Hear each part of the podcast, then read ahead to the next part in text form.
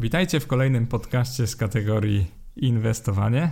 Tutaj Mateusz z blogu inwestomat.eu. Jeżeli jeszcze na nim nie byliście, to serdecznie zapraszam, y, bo tak jak tutaj nagrywam dla Was, wiecie, słowno-muzycznie opowiadam o tych moich y, artykułach, to tak naprawdę cały content, całe mięso, wszystkie grafiki i tak dalej znajdziecie tam, więc mimo wszystko bardzo Was namawiam, nawet jeżeli teraz jedziecie sobie autem do pracy, czy tam pociągiem, to pamiętajcie, że po pracy lub nawet, no nie namawiam do złego, ale nawet w pracy możecie sobie zobaczyć, jak wygląda mój blog, poszukać czegoś dla siebie i może Was to zainteresuje i przykuje na trochę dłużej.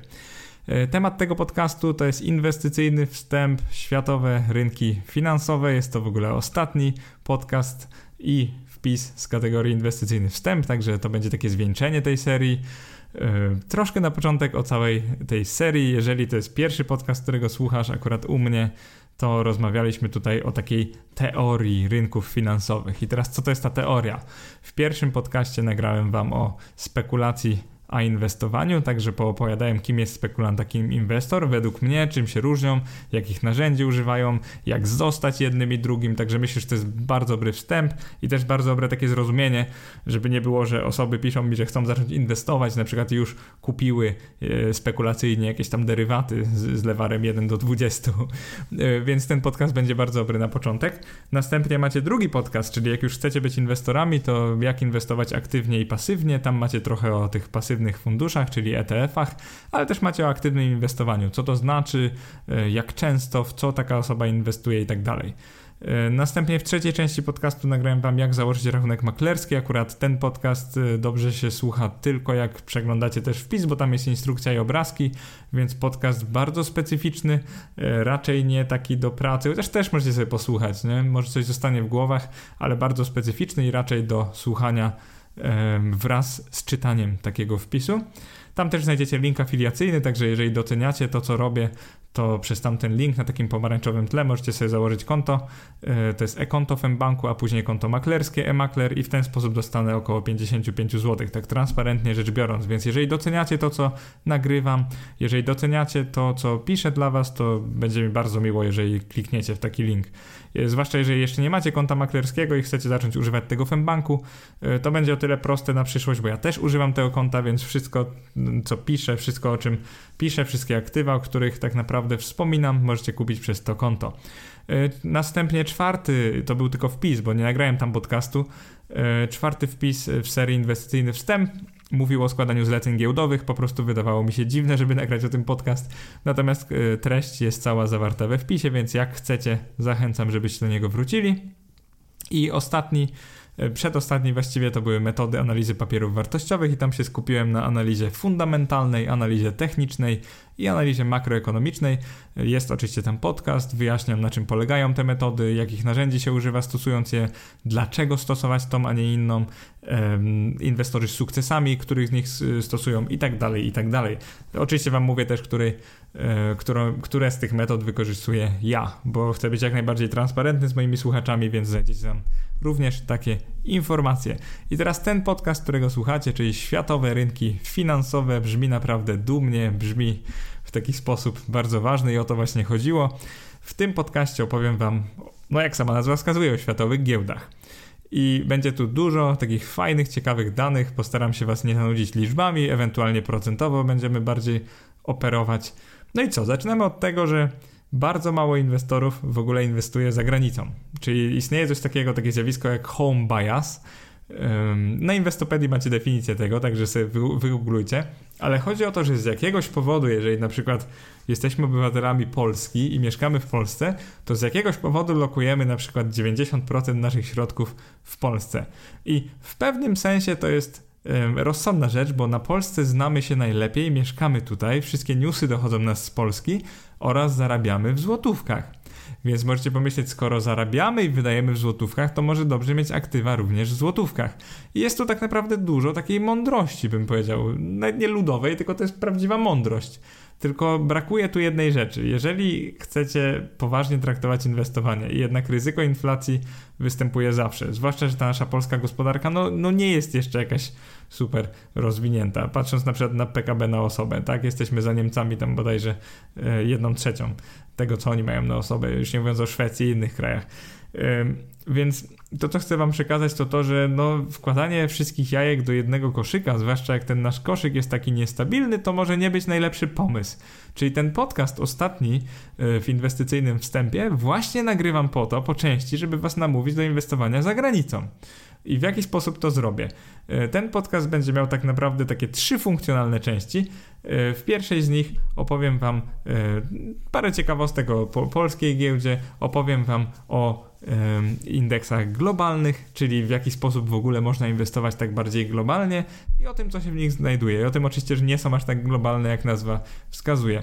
Następnie porównamy sobie wielkością rynki finansowe, czyli będziemy schodzić od największego, czyli Stanów Zjednoczonych, do tych maluczkich naszego regionu. Zobaczcie sami, że Polska wcale nie jest na, naj, najmniejszą giełdą tutaj regionalnie, wręcz jest największą, więc nie mamy się moim zdaniem czego wstydzić.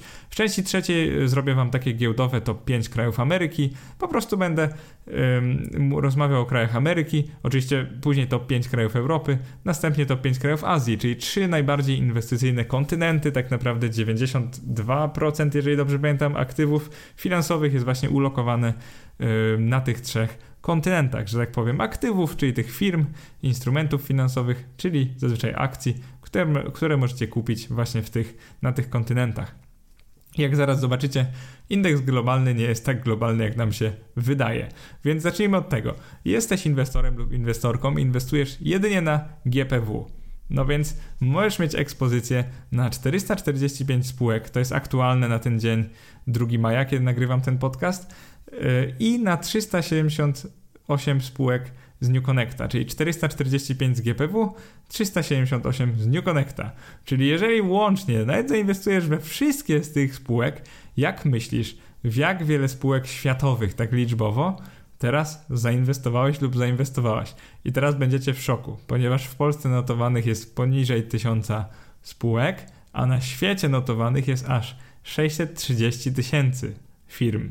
Także inwestując tylko na polskiej giełdzie papierów wartościowych i nawet jeżeli kupicie wszystkie spółki, to tak naprawdę bierzecie w udział, uwaga, uwaga, 0,13%, tak? 13 setnych procenta części tego festiwalu kapitalizmu. To jest po prostu bardzo mała część tego tortu.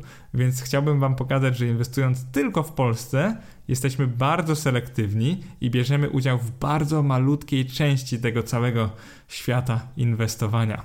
I oczywiście pamiętajcie, że jeżeli nawet zainwestujecie gdzieś e, globalnie, to pewnie wybierzecie sobie kilka spółek i dalej będziecie procentowo mieć dość małą ekspozycję, ale pamiętajcie po prostu o tym, że jeżeli chodzi o wielkość naszego rynku, tutaj mówiłem akurat o liczbie spółek, ale też jeżeli chodzi o kapitalizację, to nie jesteśmy żadnym światowym gigantem, ponieważ kapitalizacja naszej giełdy wynosi w tej chwili około 850 miliardów złotych, natomiast w stosunku do ogółu tych aktywów notowanych na wszystkich światowych rynkach, to jest estymacja oczywiście, e, to jest 380 bilionów złotych, czyli to jest 380 tysięcy miliardów. A ja wam przypomnę, że u nas jest niecały ten tysiąc miliardów, niecały bilion w złotówkach. Czyli tak naprawdę nasza giełda odpowiada za takie 0,22% wartości wszystkich światowych rynków. No, nie tak wiele. Ile jest giełd na świecie? I podkreślam giełd. Y, bywa tak, że jest kilka giełd w jednym kraju, to jest bardzo istotne. Na świecie jest giełd 254, przynajmniej oficjalnie. Wszystkie je znajdziecie w takim arkuszu Google, który dla Was przygotowałem. Także zapraszam do wpisu. Klikacie w arkusz Google, on jest publiczny. Akurat nie możecie go edytować, ale jak chcecie, możecie go sobie zrzucić, czyli możecie sobie go eksportować do Excela albo do waszych arkuszy, arkuszów Google i możecie sobie dowolnie edytować, jeżeli macie taką potrzebę lub chęć. I teraz na świecie jest 195 krajów, a 254 giełdy, no to to już jest samo w sobie ciekawe, ale pamiętajcie, że po pierwsze nie każde państwo ma swoją giełdę, a po drugie niektóre państwa mają wiele giełd, i tutaj na przykład zwycięzcą jest USA oczywiście. Prawie 20 giełd, 18 giełd w jednym kraju. Japonia ma tutaj jedynie 12. No i jak patrzymy na e, polskie giełdy akcji, to tutaj oficjalnie mówi się, że mamy jedną giełdę akcji, czyli tą właśnie G GPW. warszawską giełdę papierów wartościowych. Teraz przechodzimy sobie do części e, drugiej powoli, które giełdy są największe na świecie. I największa na świecie jest zdecydowanie giełda w Stanach Zjednoczonych. Właściwie giełdy w Stanach Zjednoczonych wszystkie razem są największe na świecie i one w tej chwili odpowiadają za około 40% aktywów na całym świecie. Mam na myśli kapitalizację, czyli wartość na giełdzie. Natomiast tak w porywach, y, na przykład w kryzysach, potrafi to być i 50 albo nawet 50 kilka procent wartości wszystkich publicznych spółek akcyjnych na świecie. Wow, prawda? To jest bardzo dużo. Y, no i teraz drugie, trzecie miejsce w tej chwili to są Chiny i Japonia. Chiny w ogóle niedawno wyprzedziły Japonię, także bardzo dynamicznie rosną, ale w porównaniu do Stanów to dalej te powiedzmy ich y, udział jest dość niski. Y, Chiny i Japonia razem mają około 10% i teraz teraz Wam przypomnę Stany, koło 50, więc jeżeli sumujemy Stany, Chiny i Japonię i po prostu patrzymy na wszystkie te akcje notowane w tych krajach, to jest to 60% wartości aktywów wszystkich firm, które możecie kupić na światowych rynkach finansowych. Czyli zobaczcie, zasada Pareto at its finest, że tak powiem, bo naprawdę trzy kraje odpowiadają za 60% kapitalizacji, jest to bardzo szokujące. Przynajmniej było dla mnie, jak zacząłem, zacząłem pisać ten wpis i nagrywać podcast. I powiedzmy, że chcecie być y, udziałowcami właśnie takiego mm, światowego indeksu. No i co robicie? Istnieje taki indeks jak MSCI World. Y, to jest akurat Morgan Stanley, ich podfirma, czyli MSCI, y, zestawia takie indeksy. I ciekawostka jest taka, że on się nazywa World, czyli powinien być światowy. Jeżeli chcecie zainwestować w niego, oczywiście istnieje też ETF, iShares MSCI World ETF, ETF z angielska.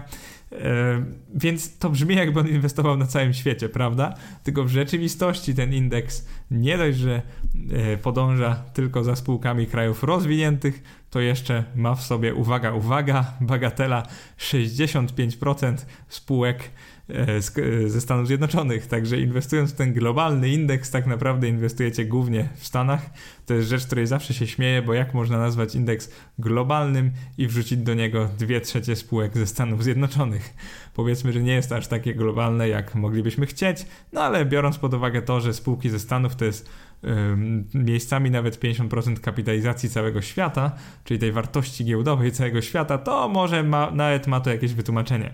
I teraz ten MSCI World, na drugim miejscu tam jest Japonia, tam jest 8% y, spółek aktywów japońskich, później Wielka Brytania, Francja, Szwajcaria razem mają koło dyszki, Kanada, Niemcy razem koło 5, Australia, Holandia, Hongkong oraz inne rynki.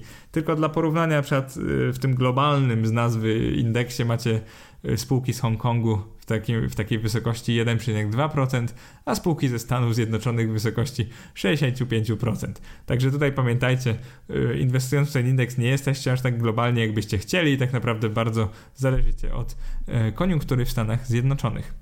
Y, jeżeli chcielibyście być bardziej globalni, pomyślcie sobie, gdzie są Chiny, gdzie jest Tajwan, gdzie jest Korea, gdzie są Indie, Brazylia i Rosja na przykład, czyli dalej bardzo wielkie rynki, ale jakoś nie było ich w tym indeksie. No więc ta sama firma MSCI stworzyła taki indeks, który nazywa się MSCI Emerging Markets.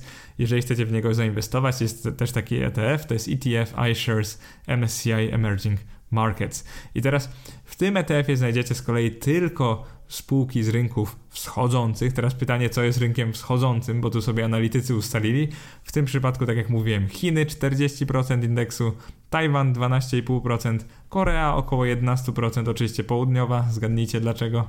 Indie 8%, Brazylia 5%, RPA 4%, Rosja 3,5%, Później jest Arabia Saudyjska, Tajlandia, Meksyk, Malezja, Indonezja, inne rynki. I w tych innych rynkach kiedyś było trochę Polski, teraz jeżeli pamiętam, Polska przeniosła się do innych rynków, czyli też tam 5 ostatnich procent, ale w tym indeksie Developed, czyli MSCI World, ponieważ podniesiono naszą klasyfikację w pewnym momencie z Emerging na Developed.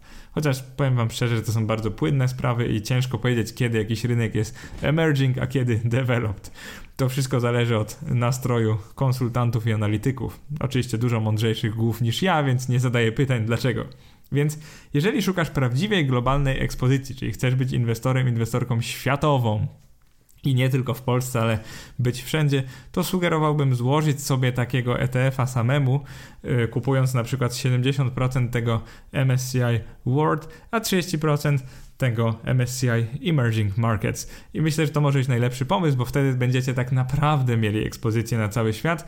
Ty tylko, no co jest najgorsze w tym wszystkim, że nawet jeżeli kupicie w takiej proporcji, to macie wtedy w portfelu jakieś co 30-40% spółek ze Stanów Zjednoczonych, czyli mimo wszystko jesteście zdominowani przez Stany, więc dla kogoś, kto by chciał mieć taką lepiej rozłożoną tą ekspozycję powiedzmy, czyli po prostu siedzieć bardziej w tych emerging może, pomyślcie, czy by nie kupić wtedy 50 na 50 e, tych dwóch indeksów. I oczywiście, jeżeli chodzi o ich notowania wartości, to był prawdziwy roller coaster, tak jak zawsze, czyli wartości były bardzo zmienne przez lata, ale tak naprawdę co jest ważne w tym podcaście to to, żebyście zrozumieli, że dość prosto możecie mieć globalną ekspozycję, nie wybierając żadnego kraju, nie wybierając żadnej branży, a tym bardziej nie koncentrując się tylko na naszym kraju, a mieć właśnie trochę środków na całym świecie.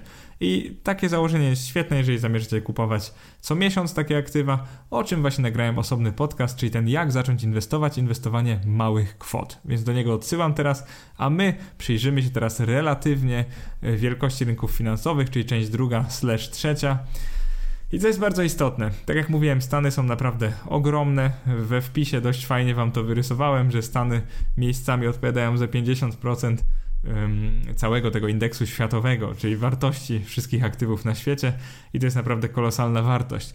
I jak sobie zobaczycie we wpisie, jeżeli będziecie mieli czas oczywiście, zachęcam serdecznie do przeczytania, to Chiny i Japonia zestawione na jednym wykresie ze Stanami wyglądają po prostu śmiesznie, natomiast cokolwiek innego zestawione na wykresie na przykład z Japonią również wygląda śmiesznie. Czyli na przykład jak bierzemy sobie e, giełdy japońskie, ich właśnie wartość giełdową i porównujemy do tych europejskich gigantów, czyli do Niemiec, Francji Szwajcarii, to jest takie ścisłe top 4 jeszcze. Akurat UK nie wymieniłem, ale we wpisie nie bez powodu wziąłem właśnie Francję, jest największa, Szwajcaria jest tutaj najmniejsza z tego e, z tego quattro i e, Japonia naprawdę jest kolosalna wobec przykładowo Szwajcarii. To jest warta powiedzmy trzykrotnie więcej niż Szwajcaria i teraz co jest bardzo istotne, dlaczego w ten sposób do tego podchodzę? Bo e, Japonia to jest prawdziwy Lilliput przy na przykład Stanach, natomiast przy Japonii Lilliputem jest Szwajcaria. No i teraz zgadnijcie, kto jest Lilliputem przy Szwajcarii. Tak, dobrze myślicie, to jest Polska. Celowo to powiedziałem, żeby wam pokazać, że na przykład Szwajcaria jest dość mała relatywnie do tych największych giełd, takich jak Stany czy Japonia, ale w stosunku do Szwajcarii to Polska jest po prostu śmiesznie małą giełdą i śmiesznie małą, mam na myśli 7-8-krotnie małą, na wykresie ledwo nas widać, jak się nas rysuje ze Szwajcarią.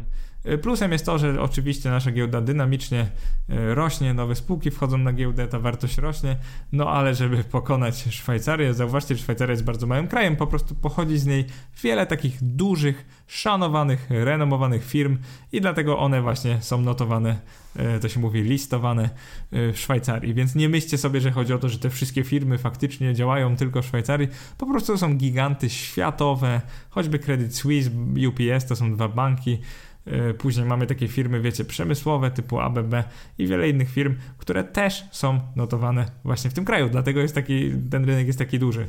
E, jeżeli chodzi o Polskę, mamy tam głównie lokalne spółki i Polska w porównaniu do np. Szwajcarii wygląda no po prostu mikroskopijnie, e, nie mówiąc o Niemczech i np. Japonii. No ale tutaj na, niejako na pocieszenie chciałbym wam powiedzieć, że na tle giełd Europy Środkowo-Wschodniej, czyli weźmy na przykład Czechy, Węgry, Rumunię, Słowenię, Słowację i Ukrainę, wyglądamy naprawdę nieźle.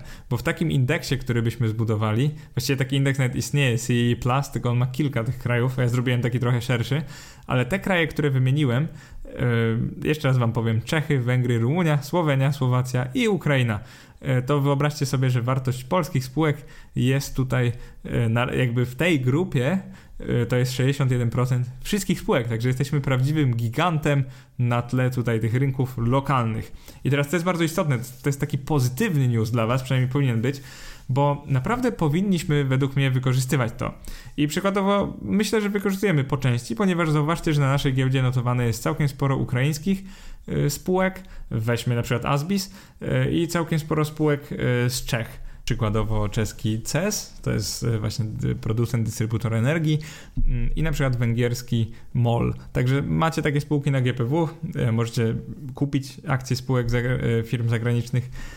Natomiast, co jest bardzo istotne, to to, to jest taki przekaz też do ludzi pracujących na GPW, e, taki mój osobisty, powiedzmy, krzyk, to jest to, że zauważcie, że skoro te giełdy w krajach ościennych, w krajach dookoła są tak słabo rozwinięte i kapitalizacja spółek na nich jest taka niska, to moim zdaniem powinniśmy to wykorzystać, powinniśmy zachęcać właśnie tych producentów, dystrybutorów e, z tamtych krajów, żeby właśnie byli listowani u nas, czyli powinniśmy stać się taką giełdą nie tylko polską, ale właśnie środkowoeuropejską. E, i z drugiej strony powinniśmy ułatwić inwestorom zagranicznym inwestowanie u nas, czyli zarówno prawnie, jak i wiecie, walutowo po prostu dopuścić maklerów z zagranicy, żeby w prosty sposób mogli um, pozwalać inwestorom po prostu inwestować u nas, więc moim zdaniem powinniśmy dużo bardziej promować naszą giełdę, um, po, powinniśmy postarać stworzyć się taki rynek naprawdę międzynarodowy, nie tylko dla Polaków, ale też właśnie dla e, Węgrów, Słowaków e, i Czechów, przynajmniej, a może nawet dla osób z innych krajów ościennych. Więc moim zdaniem powinniśmy właśnie w taką stronę giełdy CEE uderzać, a nie tylko e, koncentrować się na rynku polskim. I to jest bardzo istotne, ponieważ mamy taką szansę. Zauważcie, że to, jest, to będzie szansa zaprzepaszczona, ponieważ samo to, że mamy taką e, kapitalizację bardzo dominującą w regionie, powoduje, że mamy też większą wiarygodność, więcej inwestorów, mm, więcej inwestorów instytucjonalnych, czyli funduszy, więc tak naprawdę bardzo łatwo by było nam zbudować takie takie coś. To się udaje po części, ale moim zdaniem nie zachęcamy tych firm, e, na przykład czeskich, do wchodzenia na naszą giełdę wystarczająco mocno. I teraz o, o co mi chodzi? E, w Czechach macie notowanych tam około 25 spółek, u nas 800 e, dla porównania. Zauważcie, ile czeskich spółek musi być jeszcze nigdzie nie notowanych. I to jest taki segment, w który bardzo serdecznie chciałbym zachęcić właśnie tutaj ludzi pracujących na GPW, a już w ogóle szefostwo naszej giełdy do takiego no, kucia żelaza póki gorące, tak? Bo moim zdaniem ta szansa będzie zaprzepaszczona za jakieś 10 lat, a w tej chwili naprawdę moglibyśmy zachęcić jak najwięcej spółeczek z tamtych krajów, żeby weszły właśnie do Polski, żeby były notowane na naszym rynku i w ten sposób stały się również, wiecie, bardzo atrakcyjne dla inwestorów polskich. I nie tylko, bo w Polsce też inwestuje dużo ludzi z zachodu i to są dane akurat oficjalne, że mamy sporo przed inwestorów z oceanu czyli z Ameryki. E, jak już o Ameryce mówimy, przechodzimy do części trzeciej, czyli top 5 giełdowych krajów Ameryki. I teraz co znaczy giełdowych krajów? Nie mówię tutaj top 5 giełd, tylko to jest ta suma giełd w danym kraju. Tak jak Wam mówiłem, Ameryka dominuje naprawdę bardzo mocno. Liczby będę podawał w bilionach dolarów, tak? Pamiętajcie, w bilionach dolarów, jeżeli chcecie sobie w głowach na złotówki, w tej chwili razy 4,15 około, Natomiast będziemy mówić w bilionach dolarów, będzie tak łatwiej. Rynek w Stanach to jest ponad 30 bilionów dolarów, to jest naprawdę wow, to jest niebotyczna kwota, prawie połowa kapitalizacji wszystkich tych giełd. I teraz zauważcie, miejsce drugie w Amerykach, wszystkich trzech to jest Kanada i tu są niecałe 2 biliony, czyli 30 wobec 2. Taka jest właśnie dominacja Stanów Zjednoczonych na nowym kontynencie. Jeżeli chodzi o Brazylię, to jest niecały bilion, Meksyk to jest niecałe pół biliona, a Chile, które są na piątym miejscu, to jest niecała ćwierć biliona. Wow, ogromne różnice, prawda? Czyli tak naprawdę inwestując w Ameryce, inwestuje się głównie w Stanach. Czyli jak ktoś mówi inwestuje w Ameryce, to naprawdę ma na myśli Stany i Kanadę, bo wszystkie inne rynki są po prostu malutkie w porównaniu z nimi. Jeżeli chodzi o giełdowe top 5 krajów Europy, no jak na Europę przystało, tutaj jest równość, jest to wiele równiej, bo to top 5 już jest bardzo do siebie zbliżone. Francja ma trochę ponad 2 biliony, czyli zauważcie nieco więcej od Kanady, ale znowu 15 razy mniej niż USA. Wow, ogromna różnica. Później jest Wielka Brytania, to są niecałe 2 biliony dolarów. Niemcy mają y, troszkę mniej, tam jest 1,7 biliona. Szwajcaria ma 1,44, a Holandia 1,10 biliona. I zauważcie, że ewenementem są tu Szwajcaria i Holandia, bo to są bardzo małe kraje, które mają bardzo duże giełdy. Więc to jest niesamowite, ale tak na plus dla tych krajów. Jeżeli chodzi o kraje Azji, to giełdowe top 5 wygląda następująco. Chiny 6 bilionów, Japonia około 5, Hongkong około 4, Indie około 2, Korea Południowa około półtora. Więc zauważcie, że szokująco wysoko tutaj y, ma Hongkong, ale zauważcie, że Hongkong jest tak naprawdę proxy dla wszystkich firm zagranicznych, które mieszczą się w Azji. Tam po prostu mają siedziby, więc są notowane na tej giełdzie. Plus y, ta giełda Hang Seng to jest giełda z tradycjami, więc pamiętajcie, że też chodzi trochę o te tradycje. Po prostu to jest większa renoma, jak firma jest tam notowana.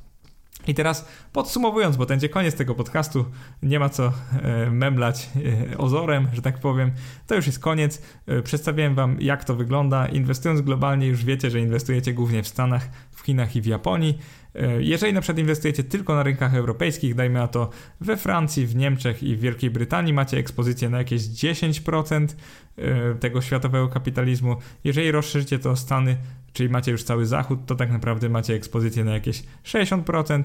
Dodatkowo wybieracie sobie akcje z Polski, no i to tam powiedzmy 61%, tak optymistycznie yy, takie, taką ekspozycję macie. Mam nadzieję, że Was zaciekawiłem giełdami zagranicznymi. O to chodziło na koniec. Kończymy tym samym tą całą serię wpisów i podcastów. Bardzo dziękuję, że ze mną jesteście, że mnie słuchacie, że komentujecie, że polubiliście mojego Facebooka. Jestem naprawdę zaszczycony. Cześć!